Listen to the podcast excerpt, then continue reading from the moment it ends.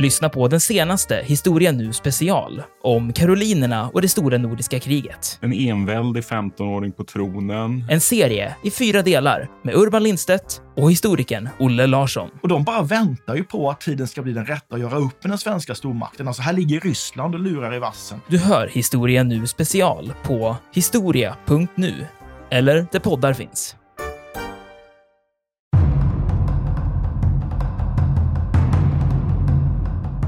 Slaget inleds med att perserna anfaller då med sitt kavalleri på högra flygeln.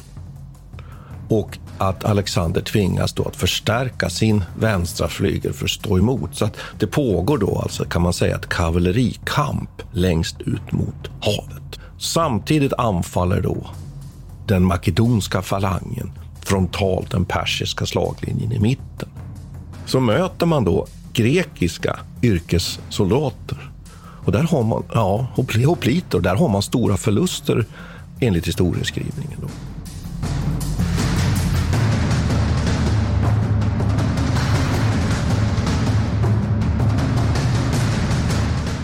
Militärhistoriepodden är podden om krig med människor och samhället i fokus.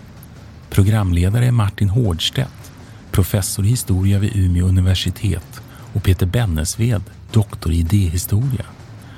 Podden ges ut av förlaget Historiska Media. Stöd gärna MH-podden via vårt swishnummer 123 610 76 68. Märk betalningen med MH-podden.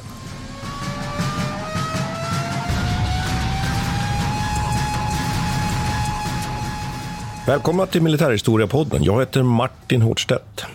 Och det här är Peter Bennesved. Och vi ska nu idag prata om Alexander den stores krigföring. Och då kan man väl säga, och vi ska framförallt ta upp så småningom här slaget vid Isos då, 333 före Kristus. Det är ju före Kristus vi är nu. Och vår lite tank... före vår tideräkning? Är det före det vår tideräkning, jag vet. det här ser man åldersskillnaden lite mellan oss ja. två. Men, men jag kör Kristus och du kör tideräkningen. Det blir bra. Ja. Eh, så är alla nöjda skulle man kunna säga och sen får lyssnarna ja. liksom välja sida här nu i den här mycket svåra frågan. Men hur som helst, har vi, vi har ju haft ett, ett avsnitt om, om den romerska krigföringen har vi haft och vi har också pratat om grekisk krigföring. Och nu hade vi tänkt att lite fylla glappet här emellan kan man säga och titta lite på vad som händer med den här tidiga grekiska krigföringen med hoplithopen, hur den utvecklas och när den också konfronteras med den persiska krigföringen.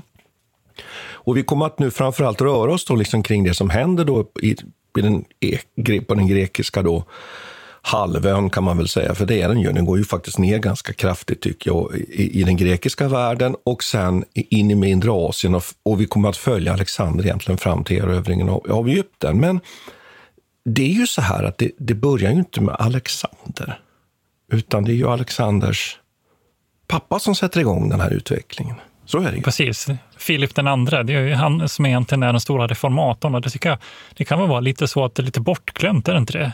Att eh, det är egentligen han som står för många av de innovationerna som Alexander sen har liksom förfinat och som blommar ut under, under Alexanders tid. Vet du vad jag tänker på en parallell direkt? Att det är egentligen Karl XI ja. som skapar den svenska indelta armén och hela systemet som gör att Sverige har stående krigsmakt när Stora Nordiska kriget utbryter. Ja. Men det är Karl XII som använder den, förvaltar den och kanske slösar bort den, någon skulle säga det. Det kan vi ta en diskussion om någon gång. Men fy fan det, Martin. Men att det, jag tror du... Ja, alltså, att det minds Karl, blown. Ja, men att det är Karl, att det är Karl XII som på något sätt är den som ju förknippas med den karolinska armén och dess kvalitet och slagstyrka. Så det är lite likadant här skulle jag vilja säga. Det är ju Alexander man förknippar ofta med den här makedonska armén, men det är inte han som skapar den. Nej, det var en kul jämförelse faktiskt. Men har inte jag för mig att man också har diskuterat Karl XII lite i de termerna också som en sån här Alexander-person. Alltså den är i alla fall så nära man kan komma i en svensk kontext. Och så vill jag säga att nu lyckades du ändå peta in någonting, det närmsta vi kan komma en finsk koppling i det här avsnittet antar jag. Annars blir det ju svårt att göra det ja, vänta, eh, när vi pratar om antiken. Kommer... Men här, där var det så, så, nära man kan komma tror jag. Eh, och då skulle jag, jag skulle också, också säga det att det, det är intressant med historieskrivningen, hur den fungerar. Att ofta är de här organisatörerna, det är inte de som blir, blir Nej. kända i efterhand. Så kan man det, det är ju en självklarhet kanske jag säger. Nej, precis. Det finns, ja, det finns ju skäl till det också. Alltså, menar, de sakerna som Alexander gjorde under sin tid är ju faktiskt häpnadsväckande. Om de nu är sanna då. Man får väl eh, lägga till det som en stor brasklapp. Att här, när vi läser om den här perioden så läser vi källor då som är, som är eh, ja, Ja, väldigt, eh, alltså de skrivna i efterhand och kanske ibland flera hundra år efter. Ja, men hur som helst, vi kan ta det, ta det där senare. Men jag tycker att vi kan börja faktiskt i Peloponnesiska kriget där vi, där vi eh, liksom avslutar lite grann med att eh, ja, det var Sparta som, som avslutade det där kriget till sin egen favör och så. Men, men, och det som händer där, och du kallar dem hoplithoperna där, det är att man på något vis, det där kriget blev väl slutpunkten på den här klassiska grekiska perioden. För då börjar man också blanda in andra typer av, eller andra former av vapen eller vapenslag. Man börjar experimentera med lätt infanteri under Peloponnesiska kriget och man började eh, experimentera med kavalleri på ett helt nytt sätt. Det fanns ju några av de här regionerna, Thessalien och då Makedonien, som var kända för sina hästar och för sitt kavalleri, men det var ju huvudsakligen det tunga infanteriet som var liksom den, det som drev krigföringen. Men man började då experimentera med lite mer diversifierade liksom, uppsättningar av arméer. Och det är ju det här då som eh, vad ska man säga, den här förändringsprocessen som Filip den andre då egentligen, som är kung av Makedonien och Alexanders pappa, som han verkligen lyckas eh, förvalta och göra någonting helt nytt av. Och, och om man ska kolla på det politiska spelet här då, så vi lämnar Peloponnesiska krigen, eh, slutet av 400-talet, före, före vår tideräkning då, eh, med ett, med ett gäng stadsstater som egentligen är ganska utarmade. De har rätt stora ekonomiska problem för de har krigat under väldigt lång tid och de har, ja, det har pågått, de här konflikterna har liksom, ja, malt på då, kostat väldigt mycket. Så att de här eh, södra stadsstaterna, Aten, Korint, Tebes, Sparta, de är ganska utsatta i det här läget och försvagar och bråkar inbördes för jämnan egentligen om vem som ska dominera det här området. Och då händer någonting uppe i Makedonien och skillnaden mellan Makedonien, för, för er som inte känner till grekisk geografi så mycket, och det gjorde inte jag heller för så länge sedan kan jag erkänna, det är ju att Makedonien är ju ett land som är ganska, eh, eh, ska man säga, växtligheten är lite mer frodig här och lite lättare att eh, odla. Och bland annat Thessalien då, som ligger mellan Makedonien, Aten och eh, eh, vad ska jag säga? Ja, precis, ligger där i mellanområdet. Det är allmänt betraktat som Greklands kornbord. Och Makedonien och Thessalien, då, de är väl lämpliga för att hålla hästar på ett sätt som inte funkar så bra i de södra delarna av Grekland. Och det här gör ju då att de lyckas bygga upp, eller de bygger upp en kultur av ska säga, kavalleristrid. Och sen har man då ett, ett, det här är ganska stora områden också, så man lägger ut liksom, eh, vad ska man säga, kungarikets säkerhet på, på ett antal adelsmän. Ungefär, det är lite som så medeltida riddare, ett slags feodalsamhälle där man då har ett tungt kavalleri egentligen som, som garanterar säkerheten i de här områdena. Man, inte heller, man har inte heller använt sig av hoplithoparna på, på det viset som, som man har gjort i de södra grekiska stadsstaterna. Man har en annan syn på medborgar ideal och så. Man har inte de här starka städerna på samma vis, utan det en mer decentraliserad typ av, av eh, eh, stat, eller vad man ska kalla det, ett kungarike. Så därför är man inte heller bundna av de traditioner som hoplithoparna är så beroende av. Och man, eh, där, eh, hoplithoparna till exempel, där bestod ju, bestod ju av liksom medborgarsoldater egentligen som ska finansiera sin egen rustning och så här. Och det här tycker jag är ganska intressant. Va? För att de tar då, resultatet av det här blir att Filip, då, som är i TBS bland annat, under sin ungdomstid.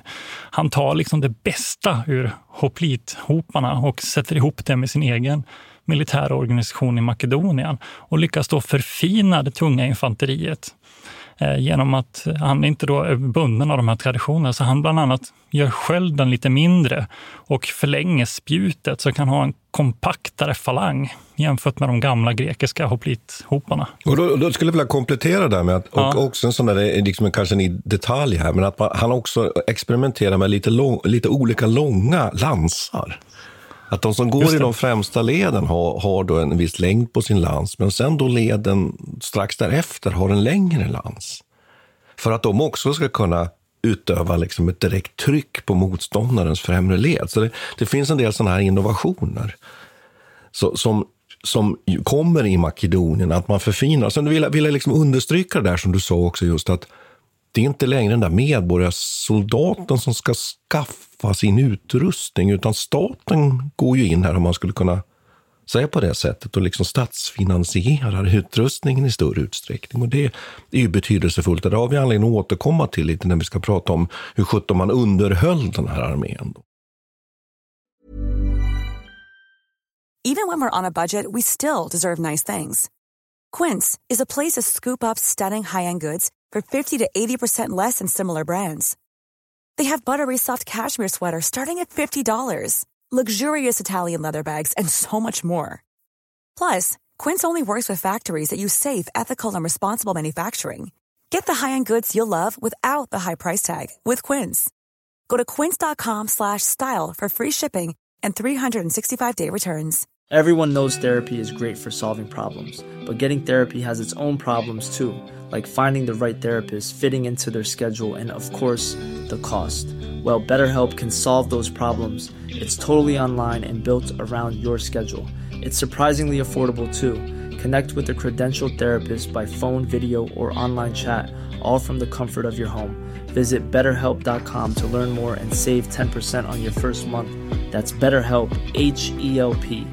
Quality sleep is essential. That's why the Sleep Number Smart Bed is designed for your ever evolving sleep needs. Need a bed that's firmer or softer on either side? Helps you sleep at a comfortable temperature? Sleep Number Smart Beds let you individualize your comfort so you sleep better together. JD Power ranks Sleep Number number 1 in customer satisfaction with mattresses purchased in-store. And now, save 50% on the Sleep Number limited edition Smart Bed for a limited time. For JD Power 2023 award information, visit jdpower.com/awards. Only at a Sleep Number store or sleepnumber.com.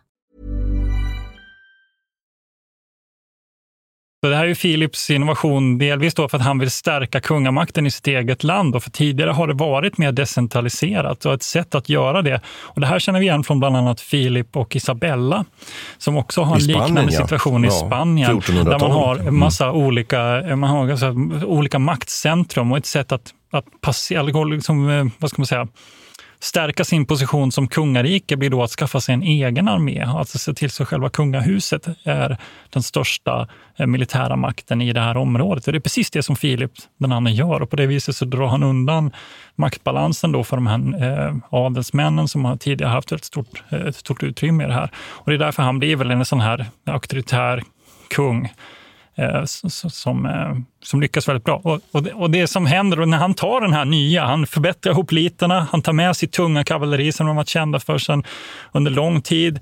Eh, och sen så använder han sig också eh, väldigt frikostigt av de här peltasterna som är ett slags lätt infanteri med lite kortare spjut och en lite mindre sköld som var lite mer rörliga då, som var med syfte att störa infanteri eller tunga infanteriet och hoplithopen. Så tar han den här på export egentligen och går söderut och tar makten över det här försvagade grekiska stadsstat och övärlden. Så han är ju den som enar om man säger, Grekland under makedonsk kungarike, eller kungakrona. Ja, det är Kommentar på det, Martin? Ja, alltså, nej, jag håller med dig. Det, det jag skulle vilja ä- även, även understryka när det gäller det där kavalleriet och lägga till några saker där. Att det är precis som du säger att, att han, han har det här lätta infanteriet som ju ofta används för att helt enkelt, ja, som du sa, mjuka upp motståndaren men också skydda egentligen falangens gruppering och uppmarsch.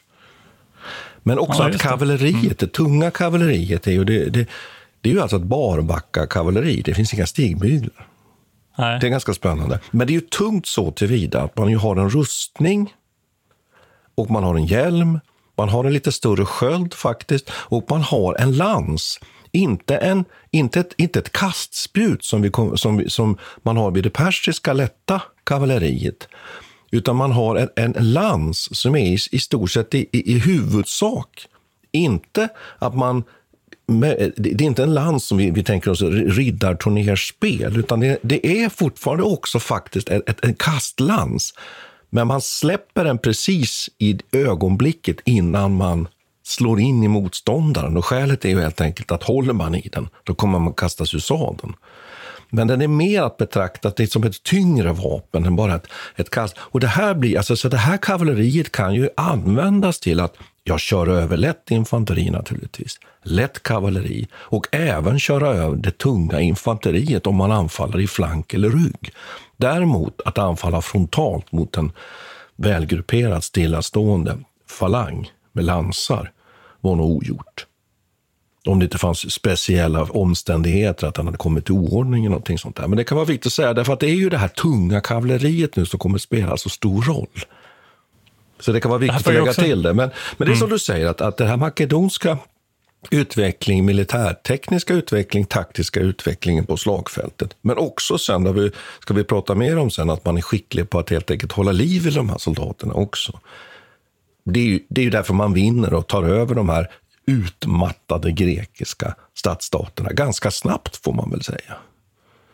Precis, vi, kan, vi, kan, ja. vi kan prata om mobiliteten också, för ja. där, även där finns ju, finns ju saker att hämta ur den, ur den makedonska geografin. Vi ska komma ihåg att det här är ett område som är betydligt större än de här små grekiska stadsstaterna. Det är en betydligt större yta att hantera och det består av väldigt mycket folk också. Faktum är att de har ju en, en resurs på ungefär 80 000 soldater. Och man skulle kunna liksom vaska fram, som ja, historikerna har spekulerat fram, för att de här siffrorna med en nypa salt. Men de har ändå en, en, en stor eh, population som skulle kunna användas. Men det här området då har man liksom under lång tid varit tvungen att skydda. Och, det är väl därför också kavalleriet spelar så stor roll. Men det betyder också att man måste kunna röra sig från en punkt till en annan väldigt snabbt. Och man får inte heller vara beroende då av av eh, logistiklinjer på samma sätt. Och det här är någonting som Filip den andre var noggrann med att fostra sin armé i. Och också därför de kan rulla över egentligen den grekiska stadsstaten så, så lätt. Va? De var oerhört mobila och soldaterna fick med sig, de var tvungna att bära sin egen mat och så vidare. Och det gör ju att de, de eh, eh, Ja, när vi kommer till Alexander sen så har de helt andra förutsättningar att ta sig vidare i mindre Asien. Jag tycka. Och, det är då, och då menar man då att det här beror på att landet är så pass stort. I norr har man massa sån här, jag vet inte, de beskriver det som barbarstammar. Nu viftar Peter med händerna liksom. här. Ni kan inte se ja. det här, men han visar nu på kartan. Här. Ja, ja precis. Jag har liksom en eh, fiktiv karta. Nej, men den norra regionen består ju av, av det som källan beskriver som mindre civiliserat folk i princip, och olika stammar då, som försöker röra sig ner. Eh, och, eh, och sen så har man då eh, de grekiska stadsstaterna söder om sig, så man var tvungna under hela tiden liksom röra sig upp och ner, öster, väster, på ett snabbt och effektivt sätt. Och det har då fostrat någon slags mobil eller så, mobilitetsideal som inte fanns bland de andra stadsstaterna, där man var mer beroende av att kanske det var rätt säsong. Mm. Så liksom, ja. Sen kan vi väl nämna också ja. att i det makedonska systemet, om man liksom går lite längre, nu har vi pratat egentligen om den här taktiken, vi har varit inne lite på det man brukar kalla för operationen. Då. Vi brukar ju leka lite med de här begreppen. Och det, där, är ju, där är ju logistiken och underhållet då där, så att säga, kriget lite större i regionen, så att säga, närområdet. Men, men vi kan ju också lägga till att det här med sjö, sjöfarten, sjökriget var ju egentligen inte de grekiska stadsstaternas eller inte Makedoniens starka sida. Och det här blir ju en intressant fråga när man då ska möta en motståndare, om vi tittar nu på nästa, den högsta nivån, alltså där politik och krig samverkar till en strategi. Nämligen att hur besegrar man en motståndare så småningom här då, Perserriket, som ju har traditionellt faktiskt ganska god maritim styrka. Och det, det, det, ska, det ska vi återkomma till lite här alldeles strax och fundera lite kring det. Va? Men vi kanske ska avrunda den här grekiska fasen. Ska vi göra det, Peter? Och ja, precis. Jag att nu, Filip rycks ju bort. Rycks bort. Han, han, han, han mördas ju så småningom. Så är det ju faktiskt. Precis, och man, mm. eh, eh vad ska säga, slutpunkten för den här vad ska säga, grekiska fasen är det här slaget vid Charon, eh, Charonea, tror jag det kallas. Mm. Jag är inte helt säker på hur det uttalas, men det är 338 f.Kr. Här är ju faktiskt Alexander med. Som men där kan man säga att det. här, mm. här etableras en, en, en, en liksom den helenska ligan, eller en slags eh, helenska förbundet. Så att när Alexander sen drar österut så har han ju med sig de här grekiska stadsstaterna på grund av den här eh, Philips, eh, Philip den andres tågar. Och, sen så, och, och, det här läggs ju upp lite som, jag vet inte, det är lite oklart motiven till den här östliga kampanjen. Som, det är faktiskt Philip den andre som sätter igång det, men han mördas precis i ingångsskedet här så att hans son får ta över.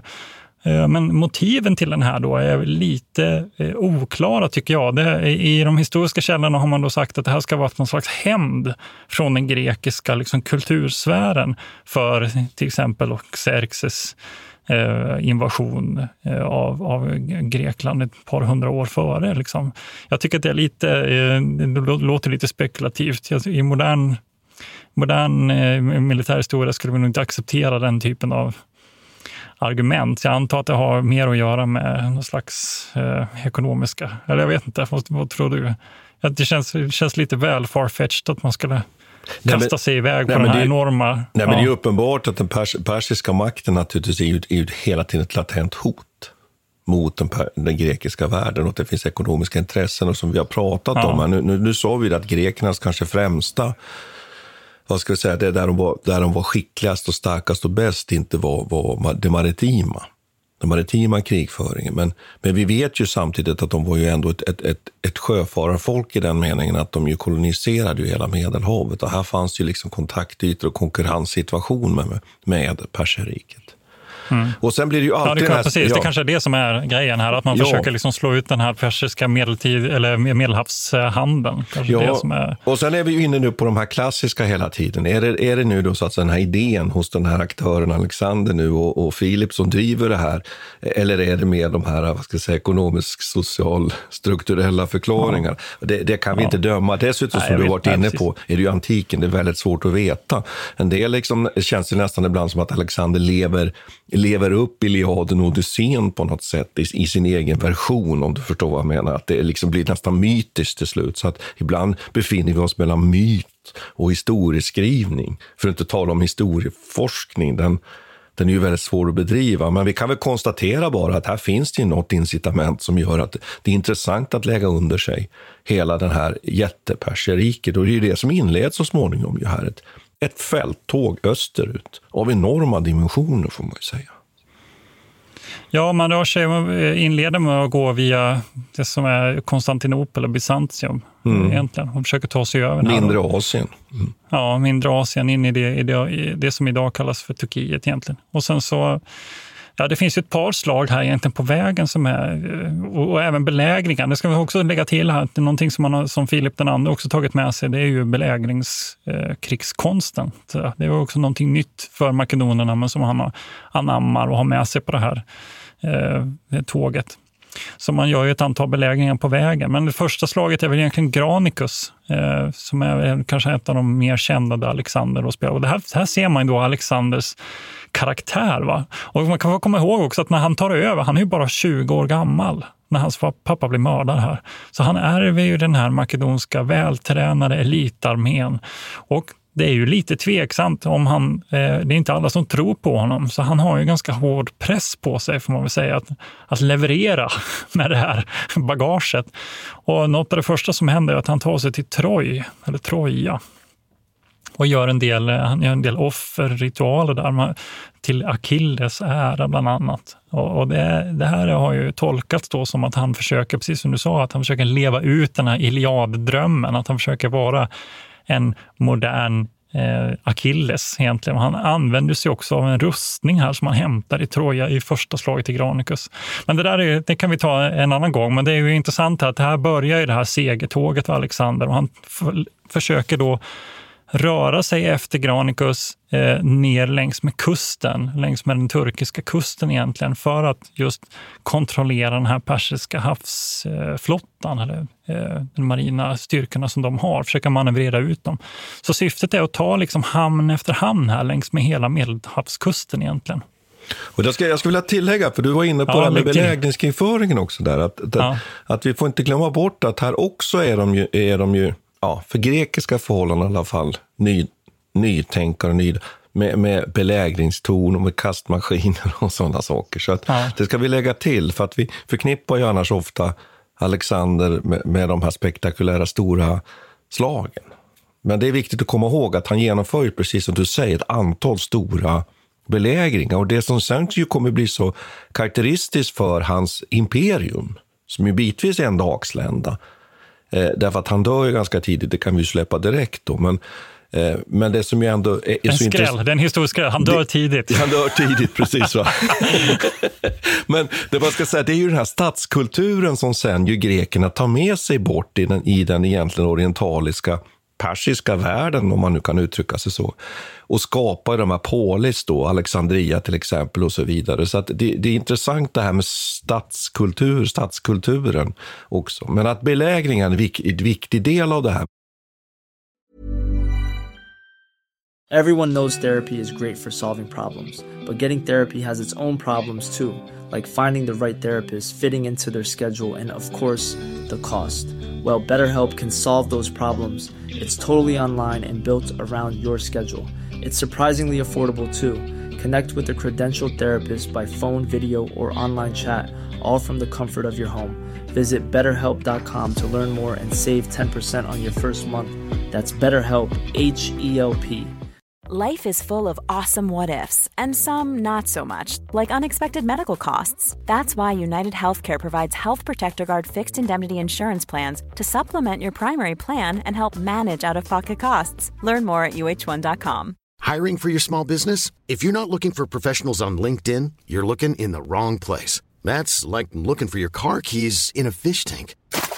LinkedIn helps you hire professionals you can't find anywhere else, even those who aren't actively searching for a new job but might be open to the perfect role. In a given month, over 70% of LinkedIn users don't even visit other leading job sites. So start looking in the right place. With LinkedIn, you can hire professionals like a professional. Post your free job on linkedin.com slash people today.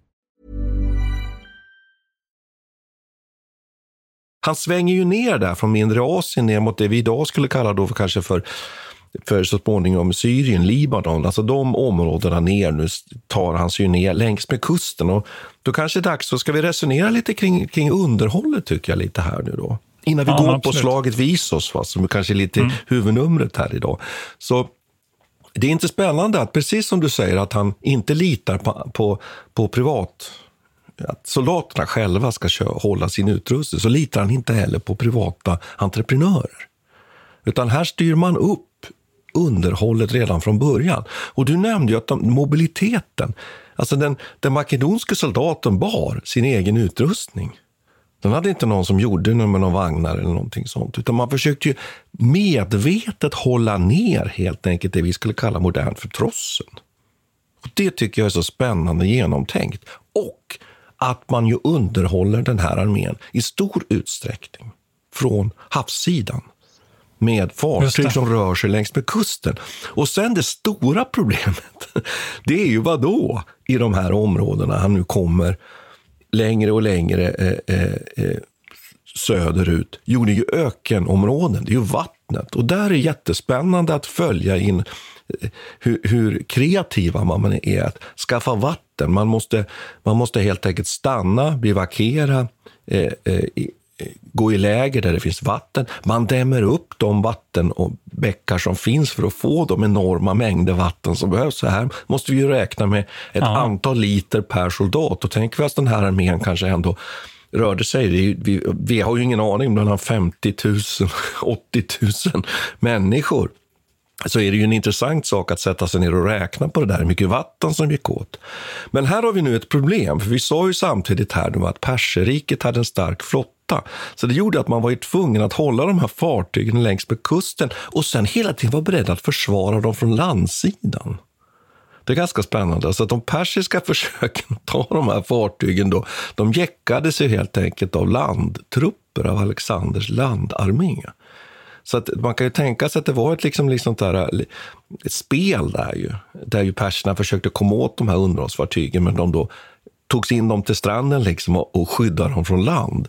Så det här tycker jag är en väldigt spännande ingrediens. Och att vi ofta har ju synen på antiken att men de, de var inte så sofistikerade och så vidare. Men här för man ju arméer i fält som är ju många, många, många gånger större än de arméer som sen de västeuropeiska rikena lyckas få i fält under till exempel hundraårskriget. Ja. Så det tycker vi ska komma ihåg. Det är ju otroligt komplext om man, om man betänker de här eh, ingenjörskonsten också som krävdes för att bygga de här belägringsmaskinerna som de använde sig av.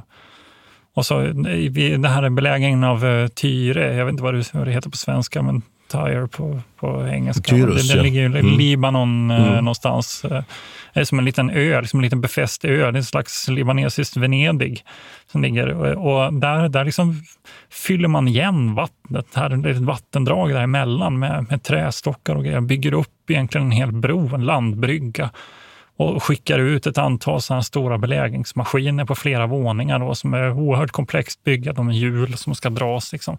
Det är ju inte några, det är inga barbarer som springer runt här och bara och brölar liksom, och viftar med yxorna, utan det här är verkligen, som, precis som du säger, ett oerhört komplext eh, log, logistiskt och ingenjörsmässigt bygge som Alexander drar iväg med.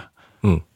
Och sen kan vi väl säga att han möter ju en motståndare också som inte heller är, är, är, är Eh, som ju också har haft en, en militär utvecklingsprocess. Den persiska armén, det, det är ju en armé som är väl slagkraftig och har ju haft, och skapat stora problem för grekerna. Det är ju en militär stormakt vid den här tiden, det ska vi också komma ihåg. Det är ju en formidabel motståndare som Alexander ställs mot. Och det är ju Dairos den tredje då, som är den persiske kungen. Och där kan man väl då nämna att den persiska armén, den byggde ju sin styrka på dels det grekiska infanteriet, det tunga infanteriet. Och det tycker jag är lite spännande, att det, det är grekisk yrkesinfanteri.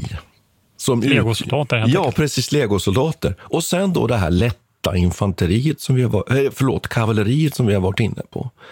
Men att det då är utrustat på ett annat sätt och inte har den här eh, chocktaktiken som ju Alexanders kavalleri har, nämligen att, att driva hem ett, ett, ett frontalt tungt anfall. Medan de har en, mer- en mera, kan man, ska man, säga, kan, kan man säga så Peter, mjukare taktik. Där man använder de här kastspjuten på ett, på ett lite, och faktiskt till och med bågskyttar till häst. Ja. Och att man också har skickliga bågskyttar i den persiska armén. Det, det är viktigt. Och vi kommer till slaget i Isos här och där utsätts ju grekerna under sin uppmarsch alltså för beskjutning med bågar. Så att de här systemen, men en sak som vi inte har berört och som ju på något sätt är så viktigt tycker jag i vårt, vår, vår försök att förstå den här västerländska krigföringens ursprung, det är ju att man ställer ju upp på ett traditionellt linje, på en linjeformation nu med infanteriet i mitten och ofta kavalleri på, på flyglarna.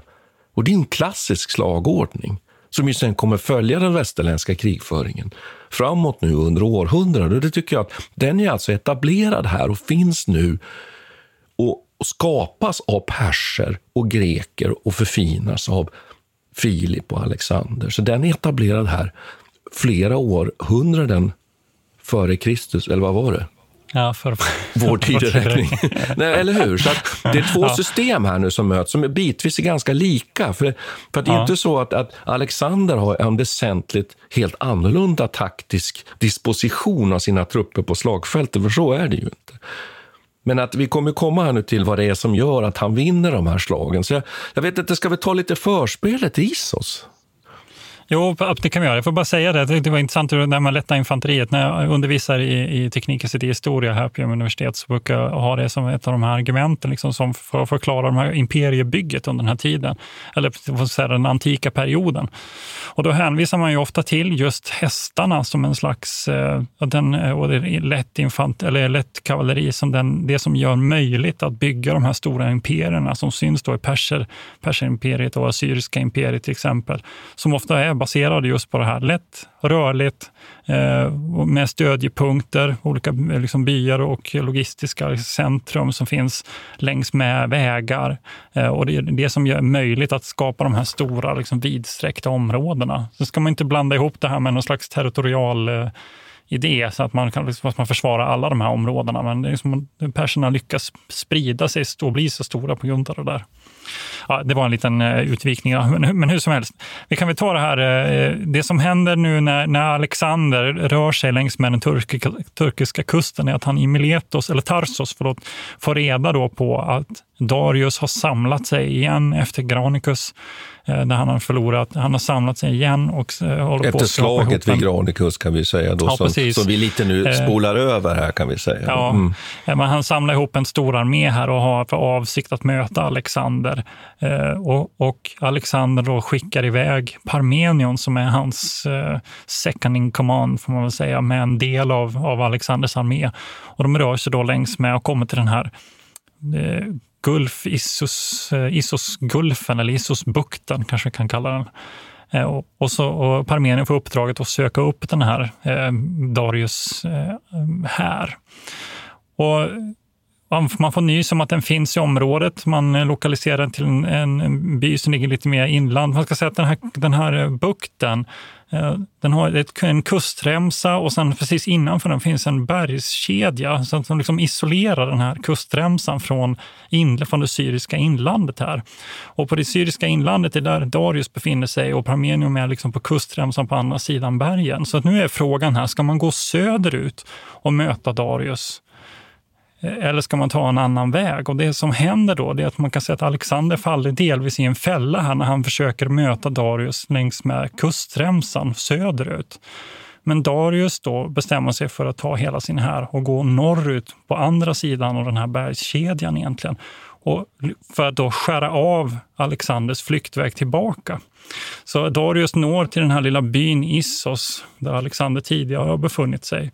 Och nu har Alexander samlat sig tillsammans med Parmenion söder om Issos. Så att Alexander får egentligen samla sina trupper och gå bakåt. De får alltså eh, röra sig bakåt för att möta Darius. Och då befinner de sig strax söder om Issos vid en liten flod som heter Pinares. Och det är här det händer. Och den stora frågan då är varför väljer Darius här som egentligen har initiativet i den här frågan? Det blir ju, eh, han har ju liksom lyckats lura Alexander eh, och hans och Alexanders armé här genom att gå, ta den norra vägen och kapa av hans, hans eh, kommunikationslinje bakåt. Varför väljer Darius med sin större armé det här lilla fältet som är omgärdat av berg på ena sidan, vatten på andra sidan och den här floden framför sig?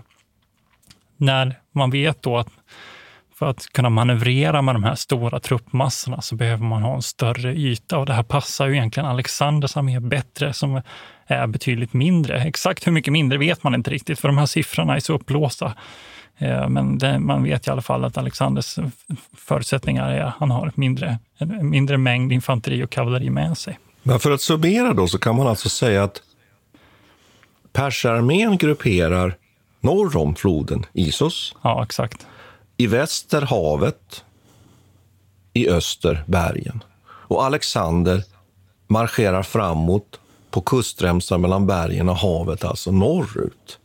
Och ska anfalla över den här lilla Isos floden, ån. Ja, kanske Dinares. ja, jag vet inte hur stor den är faktiskt. Ja. Men... Nej, och det har vi försökt att ta reda på hur stor den är och det är väldigt svårt. Men och sen då det här med arméernas storlek som du är inne på. Här finns det ju såna här, såna här astronomiskt eh, fantasisiffror då på 600 000 man på den persiska sidan. Men låt säga att, att, att perserna alla, i alla fall har en armé som kanske är 80 000 man. 100 000 man. Låt säga det.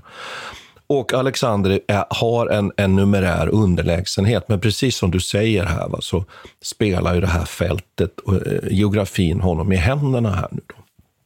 Och då kan man väl konstatera här att, att perserna väljer att gruppera sitt tunga infanteri i mitten och sen eh, satsa hela egentligen, i stort sett hela sitt kavalleri på, på sin högerflygel. Och idén här nu då från persernas sida, det är ju att anfalla och få ett genombrott och komma runt, slå sig igenom och sen komma runt och helt enkelt inringa den, eh, Alexanders armé, makedonska armén. Och medan Alexander har en motsvarande gruppering då, där han har infanteriet i mitten, men har kavalleri på båda sina flyglar. Och här har man diskuterat lite om det egentligen nog inte var så att Alexander hade tänkt sig motsvarande egentligen attack faktiskt på sin vänstra flygel. Men under marschen framåt så, så inser han att dispositionerna han, han helt enkelt hanterar situationen nu då under frammarschen. Då kan man ju fråga sig vad har vi egentligen för källor på det här, men om vi i alla fall accepterar den historieskrivning som finns, är det så det i alla fall går till. Och slaget inleder med, inleds ju med att Alexander försöker att eh, inleds med att perserna anfaller då med sitt kavalleri på högra flygeln. Och att Alexander tvingas då att förstärka sin vänstra flygel för att stå emot. Så att det pågår då alltså, kan man säga, ett kavallerikamp längst ut mot havet. Samtidigt anfaller då den, eh, den, den makedonska falangen frontalt den persiska slaglinjen i mitten.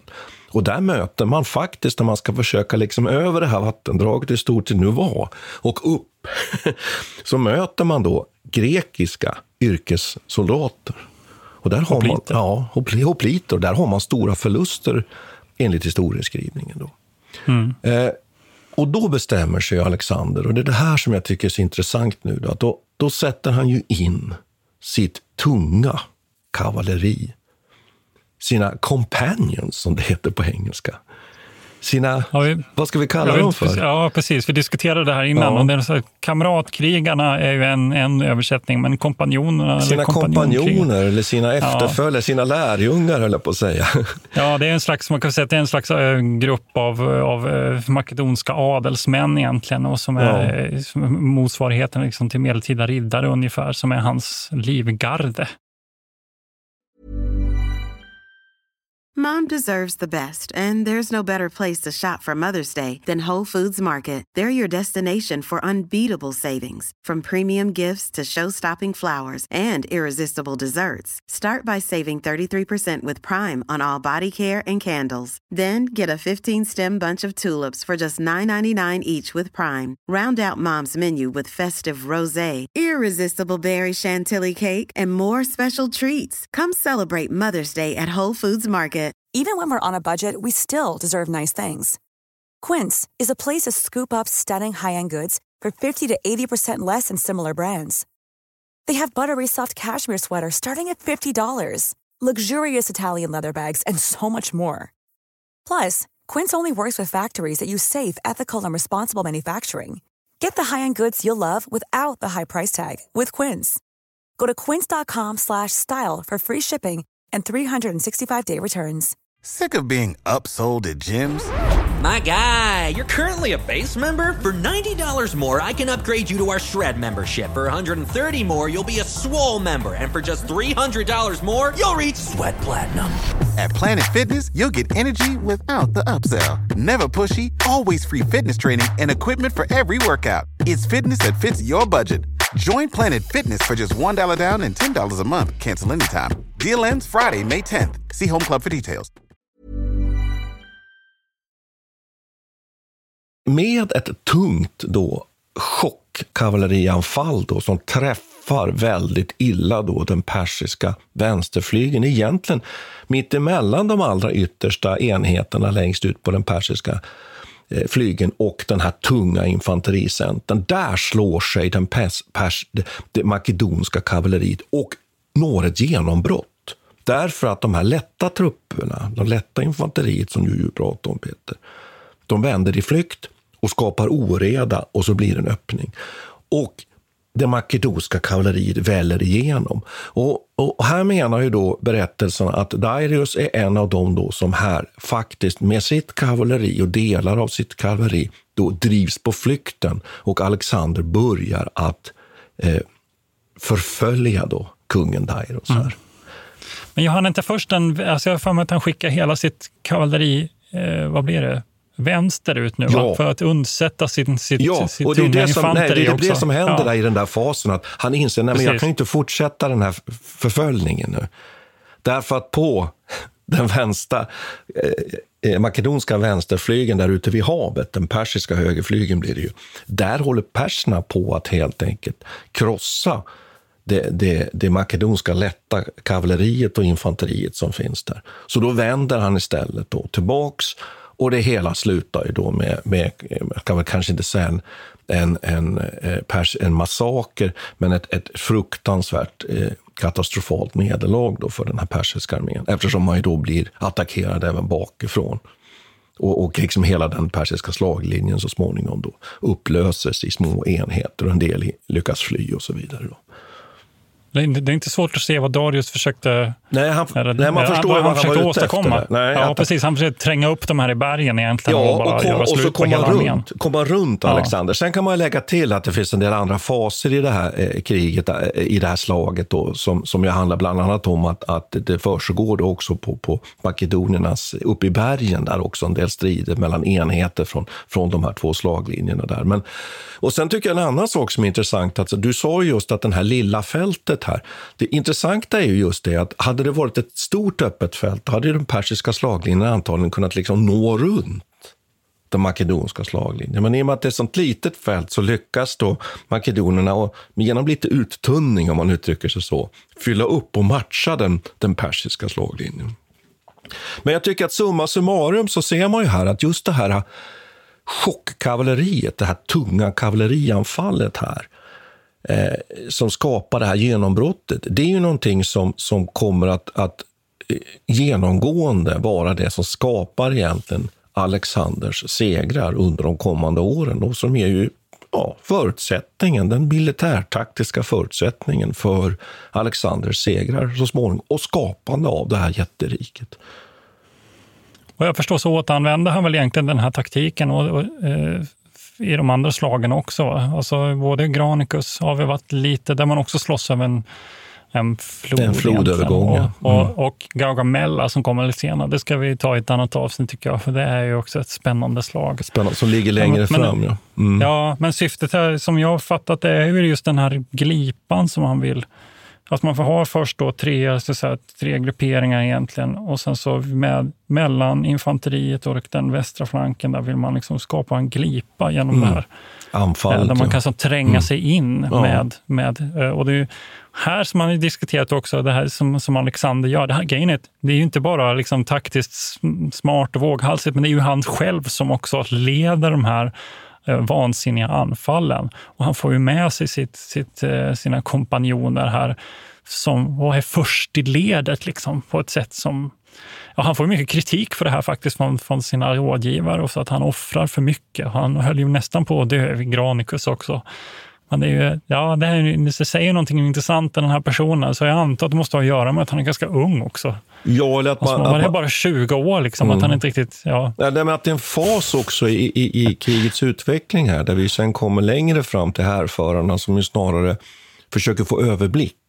Därför att han har ju ingen överblick när han själv är där framme Nej. och leder ett kavallerianfall. Man kan väl också lägga till här att vi ska inte förenkla för bilden kanske för mycket, för det är inte bara den här kavalleristyrkan som sätts in, utan den följs ju upp av infanteri bakom, som ju liksom så tränger in i den här öppningen i, i, i motståndarens slaglinje. Så att man kan väl säga liksom att det här kavalleriet är ungefär som den tyska pansarkilen genom Ardennerna i maj 40.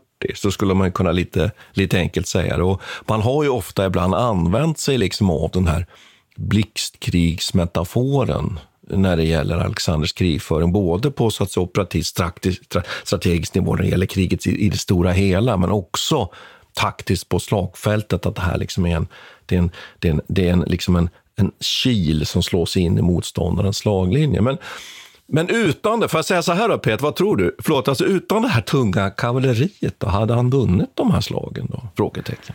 Ja, men, alltså, det, är svår, det är svårt att veta. Det känns ju lite... Det, är- det är svårt att veta. Nej, men det är inte säkert. Alltså Parmenion som befinner sig på den västra sidan, han får ju stryk mer eller mindre. Och det är ju Mm. att, att den här räddningen kommer ju av att Darius flyr egentligen.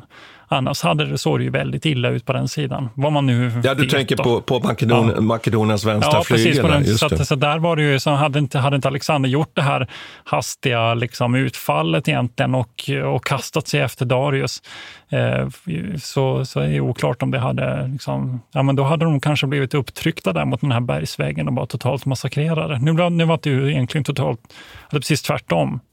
Men man kan säga, det här med kilen som du sa, jag vill bara bygga vidare på det, att det är faktiskt en av Philips, Philip den andres innovationer också, att man bygger upp eh, kavallerichockerna, eller när man gör, i en så här kilformad formation Just också. det, precis. Att det är Mm. nå- någonting som han tar med sig här. Eh, och man, alltså man inte, anfaller inte i en sån här statisk fyrkant, säga, utan de formerar sig i, enligt en kil. Då. Dels för, att, för ökad mobilitet, och man kan vända lättare om man har den här. För att de som befinner sig på, i hörnbitarna då kan liksom vända på klacken bara få med sig hela formationen. Så det här ska också vara en, en, en makedonsk innovation då, som man eh, för på export. Men ska vi, ska vi liksom eh, runda av och säga, vad är konsekvenserna av det här?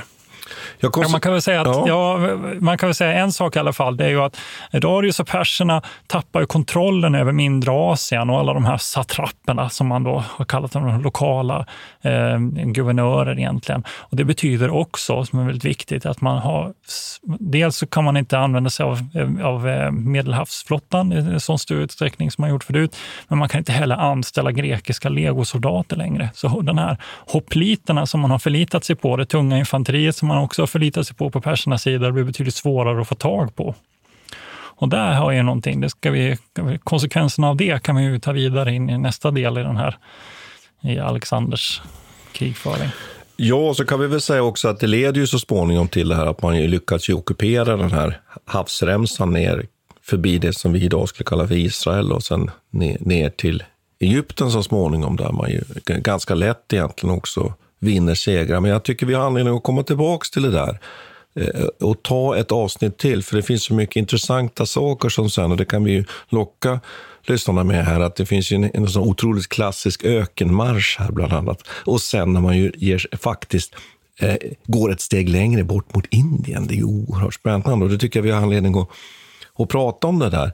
Eh, massa detaljer. Men, men jag tycker att om summerar man upp här så har vi några jag tycker, fina, viktiga bitar i den västerländska krigföringen. Hur det grekiska systemet här nu förfinas. Men också faktiskt är det persiska bidrag. Ju med kavalleri och, och den här moderna slag, slagordningen. Så att eh, jag tror vi kanske avrundar här för idag, Peter. Ja. Jag tycker det. Och vi säger väl som, som tack ska vi ha. Vi ska nämna några saker. Att vi, eh, vi kommer så småningom att erbjuda eh, lyssnarna möjligheten faktiskt att komma med lite förslag. Peter, vad säger du om det? Ska vi öppna upp för det? Ja. Där vi kommer att Absolut. lansera så småningom en, en, en, e-mailadress. Där ni lyssnare kan skriva in till oss eh, och eh, komma med förslag på ämnen och teman som, som ni tycker skulle faktiskt vara roligt att vi tog upp. För vi, vill ju, vi, vi pratar ju gärna om det som ni vill lyssna på. Så skulle vi väl kunna säga. Absolut. Det ska bli spännande. Jag är lite, jag är lite, jag, jag är lite orolig. Tänk, tänk vad, ska, vad kommer hända nu då? Om vi öppnar upp de här dammarna. Ja, vi kommer inte få några förslag, Peter. Nej, det kanske är så. Jo, det kommer vi få. Och vet du vad vi kommer få, Peter? Vi kommer få, jag tror vi kommer få förslag från lyssnarna som har bättre koll än oss. Så vi kommer få ja, bättre förslag. Det. det kommer bli ja. bättre ämnen, tror jag. Men hörni, tack för att ni orkade lyssna. Jag ska säga också att Leipzig 1813. Nästa, Nästa. gång. Leipzig 1813. Ja. Tack ska ni ha. Ja, tack ska vi ha. Vi tackar Peter Bennesved och Martin Hårdstedt. Kontakta gärna Militärhistoriepodden via mejl på militarhistoriepodden historia.nu. Peter och Martin vill gärna få in synpunkter och förslag till programidéer.